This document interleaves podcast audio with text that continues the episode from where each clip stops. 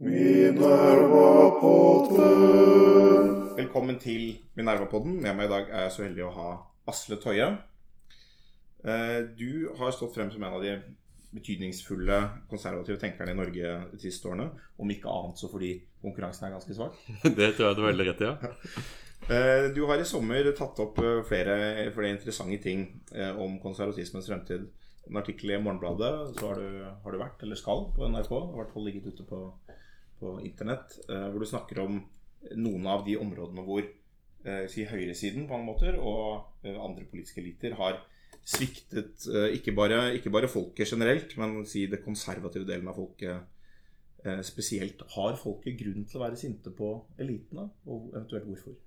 Hvorvidt de har grunn til å være sinte eller ikke, det vet ikke jeg, men de er sinte. Og det er det som vi ser i Europa nå, at folk føler at de ble lovet en annen framtid enn det som har utviklet seg. De ble lovet en globalisering som skulle være vinn-vinn, som lønte seg for alle. De ble lovet at euroen skulle føre til økonomisk vekst, ikke økonomisk krise. De ble lovet at Schengen-samarbeidet ville føre til økt frihet, ikke til kontinuerlig masseinnvandring. Og de ble lovet at den moderne, frie, uregulerte markedsøkonomien ville føre til større velstand for alle, ikke økende ulikheter. Og pga. en del av disse negative overraskelsene som vi har sett spesielt i kjølvannet av den finansielle krisen som startet i 2008, eh, så er det mange, og da spesielt konsentrert i det vi tidligere kalte arbeiderklassen og den lavere middelklassen, som er sinte. De er sinte på elitene, på de menneskene som har bygd denne verden som de føler seg fremmedgjort i. Mm. Altså, Folk er jo sinte, men hva, hva blir konservatives rolle i en sånn situasjon hvor de er sinte? Det er en amerikansk tidligere neocon, eh, David Frum, som har jobbet i Bush-administrasjonen. Eh, og sånn sett kanskje ikke helt din type konservativ, men han, han på en måte tar opp mye av dette sinnet. Og for så vidt er jeg enig i at en del av dette sinnet har jo eh, om det er berettiget eller ikke å være så sint, kan man alltid diskutere, men det har forståelige bakgrunner. Altså, det, har, det har vært eh, i mange land, de fleste land, en økende ulikhet. Det har vært eh, rekordartet migrasjon i veldig mange land. Norge er et veldig godt eksempel på det.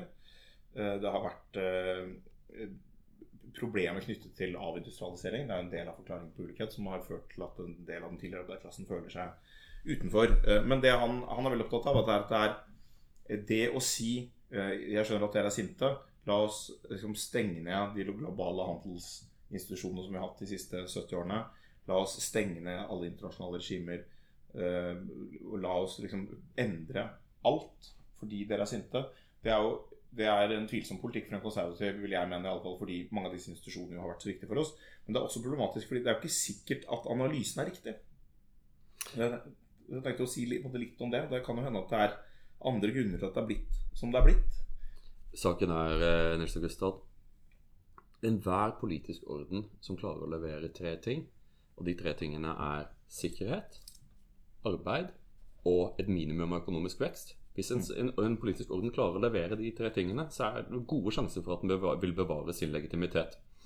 Hvorfor er det slik at liberale demokratier er mer stabile enn andre eh, regimer? Jo, pga. at de er bedre på å levere nettopp disse tre tingene. Eh, nå er det slik at det liberale demokratiet i, veks, eh, i Vesten eh, har fortsatt å levere sikkerhet, men har slitt med å levere jobber og økonomisk vekst siden 2008. Eh, og i en eh, situasjon der vi synes å slite med å finne tilbake til selv den ganske sånn begrensede veksten vi så, eh, har sett siden 1970-tallet, med 2-3 prosent, eh, prosentpoengs vekst i året. Eh, når, vi, når vi ikke klarer å finne tilbake til det, så vil hele eh, eh, regimet vakle i den forstå, eh, forstand at enkelte vil lure, seg, lure på om dette i det hele tatt lønner seg for dem. Jeg er veldig enig med det du sier, at eh, det er ikke en konservativ, eh, et, et konservativt alternativ å være revolusjonær, slik du fremstiller det. Altså at man bare river ned hele verden. eh, Sånn som det er, det er, en, det er en tanke innenfor enkelte konservative tenkere som verken du eller jeg assosierer oss så veldig med. Vi snakker her om Asvald Spengler og den type ting. Den konservative som da Den, den, den eh, Som svir ned hele røkla og bygger noen ting som er bedre. Dette er de revolusjonære konservative fra, 1903, fra 19 mellomkrigstiden. Det som har skjedd, eh, og dette er vi kanskje ikke helt enige om, men det jeg mener har skjedd innenfor konservativ tenkning siden den kalde krigen, er følgende. Under den kalde krigen så ble de konservative eh, De mistet mye av sitt prosjekt og eh, fant et prosjekt i å være et bolverk mot de røde. De, de, de Sosialistene måtte hele tiden stagges i sitt ønske om å eh, båndlegge eh, konservative, eller kanskje til og med si slavebinde, eh, befolkningen i et, et ønske om økt likhet. Når da kommunismen kollapset, så brast, brast, eh, det rett inn i en ny debatt for de konservative, spesielt i Storbritannia. Denne gangen sto, det mot eh, modernisering eller konservering. Eh, og der, eh, De moderniserende konservative vant den debatten stort. Eh, så at de reaksjonære konservative som ville tilbake til England anno 1950, det er over. Og de, de, de, de reaksjonære finnes ikke noe særlig i Norge heller. Ok, Så da står vi her og nå. De moderniserende konservative har vunnet. Og da er det eh, to store skoler blant de konservative. I Storbritannia så kaller de dem Easterhouse-konservative mot Soho-konservative. Eh, for spørsmålet er hva er de konservatives misjon? Og vi kan da bare lese hele lista over allting som er politikk. Selvfølgelig skal konservative ha meninger om allting fra miljøvern til likestilling etc. Men hva er det som er prosjektet til de konservative? Eh, og da mener Easterhouse Conservatives, som kanskje kan oversettes til Groruddalen konservative, de mener at de konservatives misjon er å se etter denne eh, politiske ordenens tapere. Det er, der, det er der de konservative har sin misjon, å sørge for at ingen faller av lasset. Og det kommer av eh, kanskje det at konservative anser seg selv for å være litt mer eh, vidtfavnende og tenke litt lenger og se litt dypere enn det mange andre politikere gjør. Og de mener at et samfunn som blir for ulikt, for, stor, for stort spenn, kan ikke være bare stabilt. Og stabilitet er noe som konservative setter pris på. Så har du da Soho Conservatives, som er kanskje gru- eh, Grünerløkka-konservative. Som ser eh, på at de konservatives misjon er å være sosialliberale, være, eh, spille på lag med globaliseringen, finne fram nye næringer, nye, eh, nye, nye Silicon Valley, Valleys etc. Det som har skjedd i Storbritannia nå, som jeg synes er veldig interessant, er at med Theresa May og hennes mektige rådgiver Nick Timothy, så ser vi en dreining i retning av såkalte Easterhouse-konservative, eller hva han kaller Erdington-konservative. Han mener at konser den konservative, konservative styr styrkebrønnen må ligge i den patriotiske, hardtarbeidede og pressede arbeiderklassen og lavere middelklasse. Det er der de konservative har sin misjon, og det er jeg enig i. Ja, da, da får jeg begynne på, på mine utføringer. Altså for, for jeg er jo ikke, Denne tradisjonen som du snakker om, har jo en lang forhistorie i England. Og kan jo gå tilbake til det man kan kalle one nation tourism med Israeli, eller Tory socialism, som ble et begrep på, på første halvdel av 1900-tallet.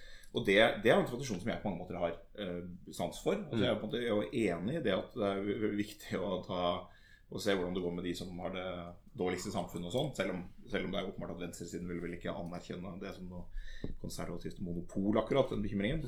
Men, men eh, det, betenker, altså det, det som er grunnen til at jeg reagerer på en del av disse nye trendene, det er ikke så mye på det teoretiske planet. Det er ikke at jeg er uenig i bekymringen eller, eller den teoretiske analysen, men det er ofte mer som på det eh, praktiske. Ta f.eks. dette med ulikhet. Okay, eller, hva er det sinnet retter seg mot? Fordi det er, som du sier, du nevner det, det er den patriotiske, hardtarbeidende, hvite, må man ofte si. Eh, Hvite mannen. Eh, Og ofte mannen. Altså ikke Theresa May, men ellers i USA så ser vi det med støtten til Trump, som har aldri liksom, vært en så stor kjønnsforskjell i, i politisk støtte. Eh, og det er, det er en større uro over mange utvikling- utviklingstrekk som går på selvfølgelig migrasjon, kulturell endring osv. Jeg er blant dem som mener at vi, bør, vi må anerkjenne uro for kulturell endring. Vi må ikke alltid pakke det inn i at det fører til økonomisk ulikhet. Det kan, det kan bidra til det. Noen ganger gjør det det, og noen ganger kan man belegge at det gjør det. Men det er ikke alltid at det er det som er grunnen. Og det er i hvert fall ikke hele grunnen til uroen. Mhm. Vi ser også en, noe av brexit-debatten hvor eh, man snakket mye om Schengen og bekymring for polske arbeidere og, og sånn. Og det, og det er jeg med på ingen måte å kimse av det. Det er, det er legitimt. Men det handlet vel så mye om Dette er min analyse. Og det handlet like mye om annen eller tredje generasjons innvandrere fra Bangladesh. Altså Den uroen handler om mye mer, og det synes jeg er, det, det er legitimt. Det må vi erkjenne som legitimt. Samtidig som løsningen på det er ikke et sinne mot liksom alt uh, som ikke er patriotisk hvit uh, arbeiderklasse. Og bare tenk på liksom dette, Noe av dette med ulikhet, fordi du du snakket om at vi klarer ikke lenger å levere den økonomiske veksten. Så gå, gå inn, da tar vi liksom punktvis og går gjennom ulikhet og overnasjonalitet og, og migrasjon. Eh, For, min analyse er at veldig mye av denne ulikhetsøkningen som vi har sett, skyldes teknologisk endring og en form for globalisering som i mindre grad er gjenstand for våre politiske beslutninger. Altså Hvis du tenker ta en tysk industri altså Ulikheten i Tyskland Nå har den ikke økt så mye, men mange opplever at Hartz 4 var et sånt nyliberalt slag mot uh, fellesskapet. Mm. Men tysk bilindustri så De kan sette opp hvilke tollmurer de vil, men hvis ikke de kan selge bilene sine i Korea og i hele Afrika og i Latin-Amerika, så er kroken på døra i Bayern allikevel. Så, så det, det, kan man ikke gjøre noe med. Det, det Asias fremvekst, Kinas fremvekst, Koreas fremvekst, Japans fremvekst. Det er jo de tingene som siden 1970 har gjort at, uh, har, har, gjort at man har fulgt den politikken man har gjort. Vi, vi, må konkurrere globalt. Det er nesten ingen markeder i Vesten som er store nok til å si ja, vi, vi stenger grensene for, uh, for, import, og så regner med at vi får solgt våre produkter. Skalaen er så enorm. Man produserer biler En fabrikk kan produsere biler for hele verden, om, om så var. ikke sant?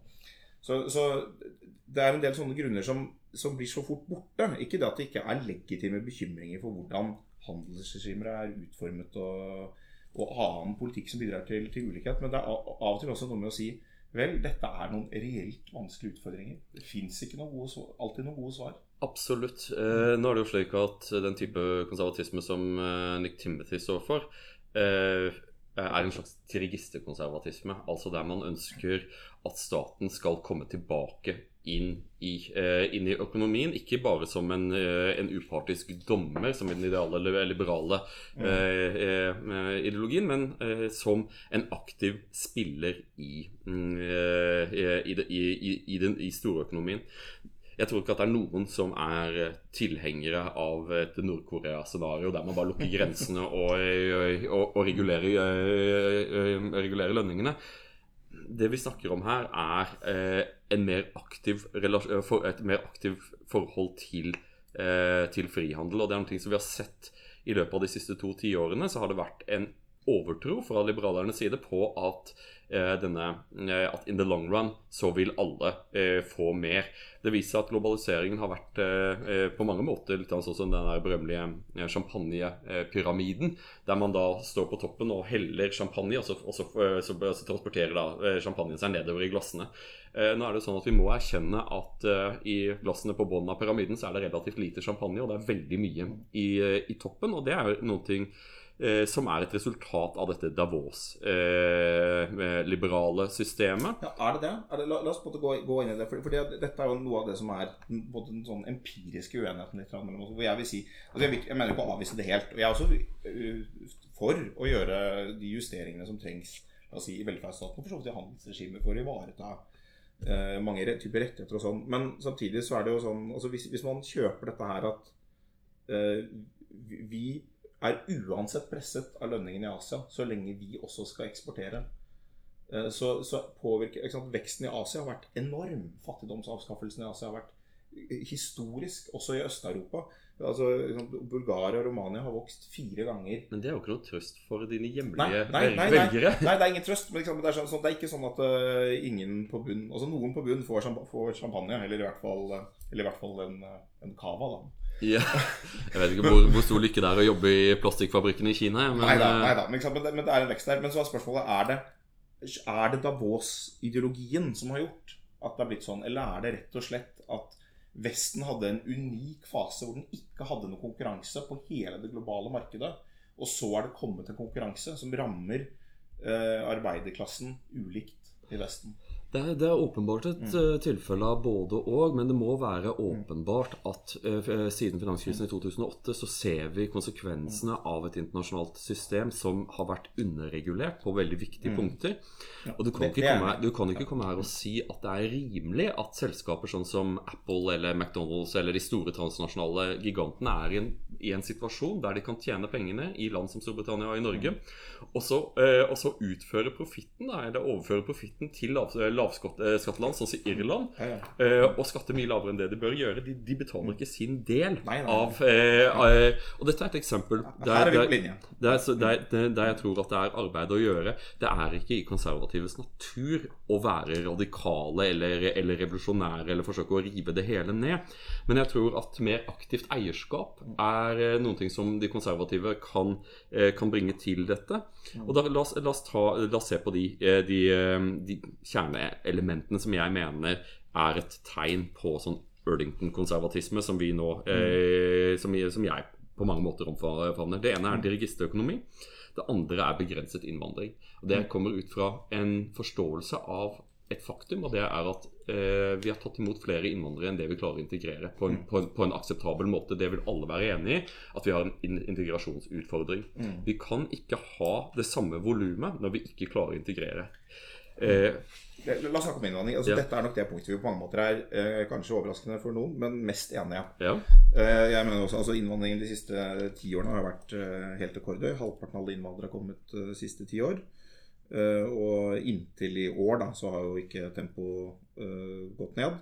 Og så ser man jo også da, mens man tidligere sa at innvandringspolitikken er omtrent så streng som den kan være innenfor eh, liksom, gjeldende konvensjoner, så ser man at da det liksom virkelig begynte å bli litt press, så fantes det faktisk en rekke grep som lot seg gjøre relativt raskt, og som reduserte innvandringen med bortimot 90 Det altså, stemmer. Det var selvfølgelig ikke bare norsk politikk, også europeiske forhold som bidro til det, men, men allikevel. sånt. Så det er jo et sånt åpenbart felt, og jeg mener at vi noe innvandring tåler vi, noe er uunngåelig, men, men den eh, bør være eh, lav, nettopp for, fordi, som du sier, det er, eh, det er åpenbart at vi har ikke helt kommet i mål, for å si det nokså forsiktig, med alle de utfordringene som kommer til å være med oss lenge, og vi har ikke helt oversikt over dem. Eh, som, og vi har ikke, helt, vi har ikke lykkes ordentlig med å utvikle liksom, nye norske identiteter og eh, skape helt gode norske fellesskap. For mange har vi det, men for mange har vi det også ikke. Og vi har heller ikke lykkes i å si, håndtere godt eh, motreaksjonene. Mhm. så, så her er vi jo helt enige, eh, så, sånn sett trenger vi å diskutere så mye. Men det, det vi vil ta opp, er en sånn bekymring som jeg opplever at jeg har veldig sterkt, og som jeg opplever at en del andre av de som da er enige med meg når det gjelder uh, migrasjonsvolumene, Mm. ikke har så mye bekymring for. Og det er eh, at det er en del av motstanden mot innvandring som tar form av en veldig aggresjon som også nesten umuliggjør å lykkes med denne å skape nye identiteter, felles identiteter, tilhørighet, eh, trygghet, den type ting. Vet ikke Hvordan du, hvordan du tenker om den utfordringen? Den utfordringen er, eh, er høyst reell. Ian Bruma skrev en fantastisk bok som heter 'Murder in Amsterdam'. Og på et eller annet sted rundt side 173 så har han et sånt, et sånt drypp som er sånn plutselig eh, Man blir litt stille når man leser det. Eh, for han beskriver da det som skjedde i Nederland etter mordet på Theo van Gogh. Mm. Eh, så, ser, så mener han at den ned- nederlandske middelklasse arbeiderklassen begynte å mistro sine egne eliter. Mm. Fordi de lurte på hvem er det som skal forsvare oss, hvem er det som skal passe på oss? Er det, er det ikke dere politikere som var ment å skape et samfunn som var trygt å vokse opp for barna våre? Og hvis ikke dere gjør det, hvem skal gjøre det? Det er en farlig situasjon for et demokrati. Vi må ha den tilliten mellom de styrende og de styrte. Så jeg mener at en av de første oppgavene som eh, konservative har, er å gjenskape denne tilliten. Og en måte å gjøre dette på er gjennom å ha en streng, men rettferdig innvandringspolitikk. Det er ingen som ønsker å skalke lukene, men jeg tror eh, at vi må komme til et punkt hvor det er legitimt politisk å velge sine innvandrere. Altså at vi prioriterer innvandrere som det faktisk er plass til i det norske, arbeidsmarkedet, istedenfor å ha storstilt import av lavskolert, lavkvalifisert arbeidskraft, som skal vi være fryktelig ærlige. Eh, nå er det noe alle som har kommet seg på arbeidslinja, men veldig mange av disse menneskene vil det aldri lønne seg for eh, i anførselstegn, å utdanne pga. at de starter fra et så lavt utgangspunkt at vi klarer ikke i løpet av deres, eh, deres leveløp å utdanne dem til et nivå hvor de kan gå inn i det norske arbeidsmarkedet uten eh, ekstra, ekstra tiltak. Og frykten min er ikke, heller ikke med ekstra tiltak. Her er til å gå Frykt, frykten min er at vi kommer til å ende opp med et, eh, et pseudoarbeidsliv for da den, denne underklassen som Torbjørn Røe Isaksen snakket om i dag på Politisk kvarter. En, en underklasse som er etnisk, kulturelt og religiøst forskjellig fra flertallsbefolkningen. Og at vi får da denne befolkningen på et, i et parallelt liksom-arbeidsliv som er et er, egentlig er trygd, men som, så, som, men som vi kaller jobb, så de er ansatt av de offentlige fordi at ingen andre vil betale for deres arbeidskraft. Eh, og Disse menneskene må vi løfte opp, og det må vi gjøre gjennom utdannelse, primært øh, rettet mot barna deres, men også mot de som har kommet. Men jeg tror også at vi må gjøre noen ting med innsiget. Og der er det noen ting som jeg tror eh, konservative kan, kan bidra med fakta og en rolig, kjølig tone som er totalt fraværende blant de partiene som har valgt denne saken til sin fanesak. Ofte så er det en veldig mye mer aggressiv holdning rettet mot innvandrere. Man får inntrykk av at dette ikke er borgere i landet vårt. Noen ting de er. Eh, vi trenger å få dette til å fungere på en bedre måte enn det de gjør. Der var jeg enig i alle tingene du sa. Så da, men men det er interessant å ta videre. Så jeg er helt enig. Det var én ting jeg vurderte om jeg skulle ta en liten eh, replikk for å se om jeg kunne være strengere enn deg. Du sa en streng, men rettferdig politikk. Men så korrigerte deg selv litt. Altså det spørsmål, det spørsmål, et av spørsmålene er om vi kan, ha sånn, kan ha en helt rettferdig politikk, og at den kan bli helt streng. Altså Hva er en, eventuelt en rettferdig politikk? Det, sånn, det norske mantraet har vært at alle som har krav på opphold, skal få opphold, men ellers skal den være streng og noen ganger er det streng og forutsigbar, noen ganger er det men- eh, andre ting. Men altså, jeg tenker at Hvis vi har et system der det er et eller annet rettferdighetshensyn som, som gjelder, så kommer vi fort i en situasjon det er den vi på mange måter er i, hvor det er veldig vanskelig å kontrollere antallet. Og det vi i stedet gjør, er at vi bruker alle mulige på en måte urettferdige virkemidler for å prøve å hindre folk i å utøve denne rettigheten Absolutt. som de har. Og skaper en litt sånn absurd situasjon. Men det det er Ja, men, Eh, her, men her, har du et godt, her har du faktisk et, et, et, eh, eh, en jobb for de konservative. På grunn av at alle som vet noe om f.eks. Menneskerettighetsdomstolen i Strasbourg, vet at den responderer på motpress. Og det har Norge aldri utøvd. Vi er et land som tar de reglene som kommer fra internasjonale eh, organer, om det er FN eller eh, UNHCR eller fra eh, Menneskerettighetsdomstolen eller Europadomstolen i, i Brussel, og så internaliserer vi det uten å stille spørsmålstegn ved det. Nå ser vi at det er en økende vilje i Storbritannia til å spørre om disse, disse rettsinstansene virkelig har de rettighetene til å definere eh, asylregimet slik de har gjort så langt. Jeg tror at det ikke er til å komme utenom at vi må se på selve asylregimet. Det var aldri ment å være en folkevandringsmekanisme, og det er det det har blitt. Eh, Og dette vil tvinge seg fram. Og jeg tror at det er de konservative som må gjøre det, pga. at jeg kan ikke se noen bevegelse verken blant, eh, blant sosialister eller liberalere til å gjøre noe med et system som du helt riktig påpeker, har blitt en parodi. Der vi bygger opp murer for å holde ute mennesker som har legitime krav på asyl. Eh, som jo er umoralsk på mange ulike plan, mener jeg. Ja, her, er, vi- her er vi jo, jo enige. Altså, jeg, jeg, her tenker jeg som, som på mange andre områder at det er eh, det fins gode ting ved at noen av disse regimene, selv om de har utilsiktede virkninger også. Så et av spørsmålene er liksom klarer man å ivareta noe når man endrer. Og, og det, Da kommer vi begynner vi på mot siste punkt, og det er på en måte mye av denne måte, sinte konservative siden da har en sånn tendens til at man det er jo så spørsmålet, Er man konservativ på en måte etter fallet? Har samfunnet allerede falt? Er alt grusomt og må rives ned? Eller kan vi ta vare på det beste og utvikle det videre? Jeg er jo selvfølgelig veldig på den siste linjen. Men du snakker om dette med eliter, at man har eh, mist, mistet tilliten til eliter i eh, migrasjonsspørsmål. Empirisk sett så har det jo åpenbart eh, for en stor del av befolkningen rett i det. Eh, Men da tenker jeg at det er, viktig, det er et viktig anliggende for konservative også på en måte å støtte opp om, i en viss forstand, eh, disse elitene i den forstand man støtter opp om de eksisterende institusjonene og bidrar til å gjøre det bedre. Et eksempel er fra USA nå, hvor, det pågår en debatt blant konservative om, om type sånn Fox News, Breitbart, den type medieinstitusjoner som i, i 15 år har hakket løs på mainstream media og på forskere og akademia. Og så finnes det jo alltid eksempler på at eh, liksom, vi har det i Norge også, at SSB har eh, vært for milde eller for, for naive i, i migrasjonsspådommer og, og den type ting. Og så ender man etter hvert opp med at man ikke tror på noen ting. Mm. Uh, og det er, er en som heter Charles Sykes, som er en, en sånn conservative uh, talking head, som både skjønner at han i sine diskusjoner nå, når han snakker med en del da, veldig sinte Trump-tilhengere, så er det så argumentet er ja, men jeg har lest det på internett. Og så sier han, sier han f.eks. ja, men dette er, dette er jo da faktasjekket i New York Times og i Washington Post og sånn. Og det fører ikke til noe annet enn hånlig latter. Mm. New York Times, den liberale drittavisen hvor det ikke finnes et eneste fakta. Mm. Og, og det, er, det blir denne diskusjonen om postfaktasamfunnet, som av og til bare brukes som en slegge mot, uh, mot innvandringsmotstandere. Men, men det er jo en fare der at ingenting lenger har noen autoritet. Mm. Eh, og det, da spiser revolusjonen veldig fort sine barn. Og det er det man oppdager litt på, på den radikale høyresiden. Jeg, jeg, er nok, jeg er nok betydelig mer positiv til dette her enn eh, til utviklingen enn det du er. Jeg jeg mener at dette er en sånn klassisk eh, tese, antitese, syntese-situasjon vi er oppe i. Der vi hadde eh, en stund, bl.a. i Norge, et, et medieliv som, hvor meningsmangfoldet var veldig snevert, og hvor eh, viktige innvendinger er mot den rådende orden ble, ble definert som illegitime, iboende illegitime. Eh, Mm. noen ting som skulle latterliggjøres, og de som bærer av det, skulle også latterliggjøres. For en 10-15 år siden. eh, For en 10-15 er år. Enig i det. Ja. Eh, og så uh, har vi da fått, uh, som i, er bra, det er sånn det fungerer i demokratiet, så har vi fått motstemmere. Vi har fått, medier som eh, har blitt bærere av disse motstemmene.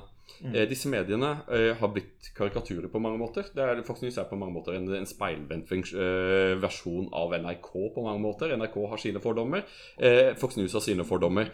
Og så ser folk på, det, på, det, på, de, på det, de nyhetene som man mener bekrefter sine fordommer. Ideelt sett så burde det jo være slik at vi hadde genuint balanserte, nyanserte medier. Og jeg mener at jeg, vårt hjemlige NRK og BBC og, og CNN har faktisk kommet et stykke nå i løpet av de siste ti året mot å ha et bredere tilfang blant meninger.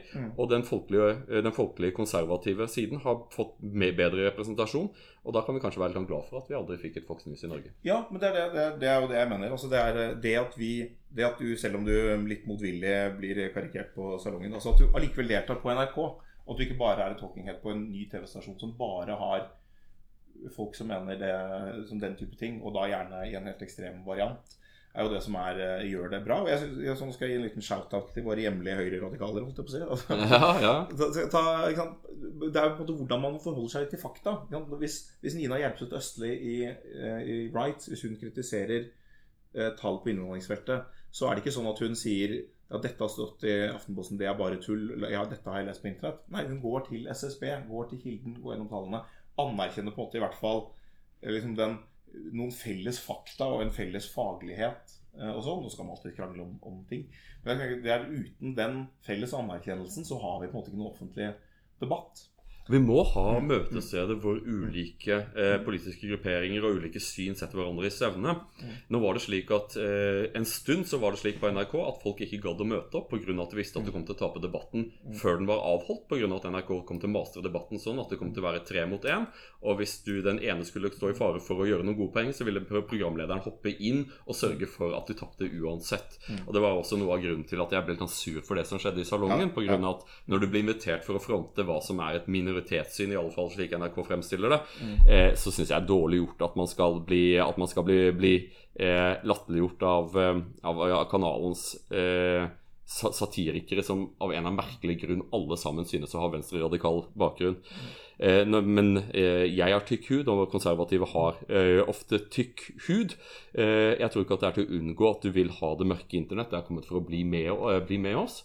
Og jeg tror at eh, eh, det beste som den politiske medie-mainstream kan gjøre, er å gjøre porten høy og vid, og, og slippe inn så mange meninger som overhodet mulig. For det er sånn ordskiftet fungerer. Forhåpentlig så vil de gode og velfunderte meningene flyte, og de som dårlige, ufunderte fordommene, de vil synke. Her slapp vi i hvert fall til én mot én, og med det er denne utgaven av Minerva-podden slutt. Takk til Asle Toje. Takk selv. Minerva potet,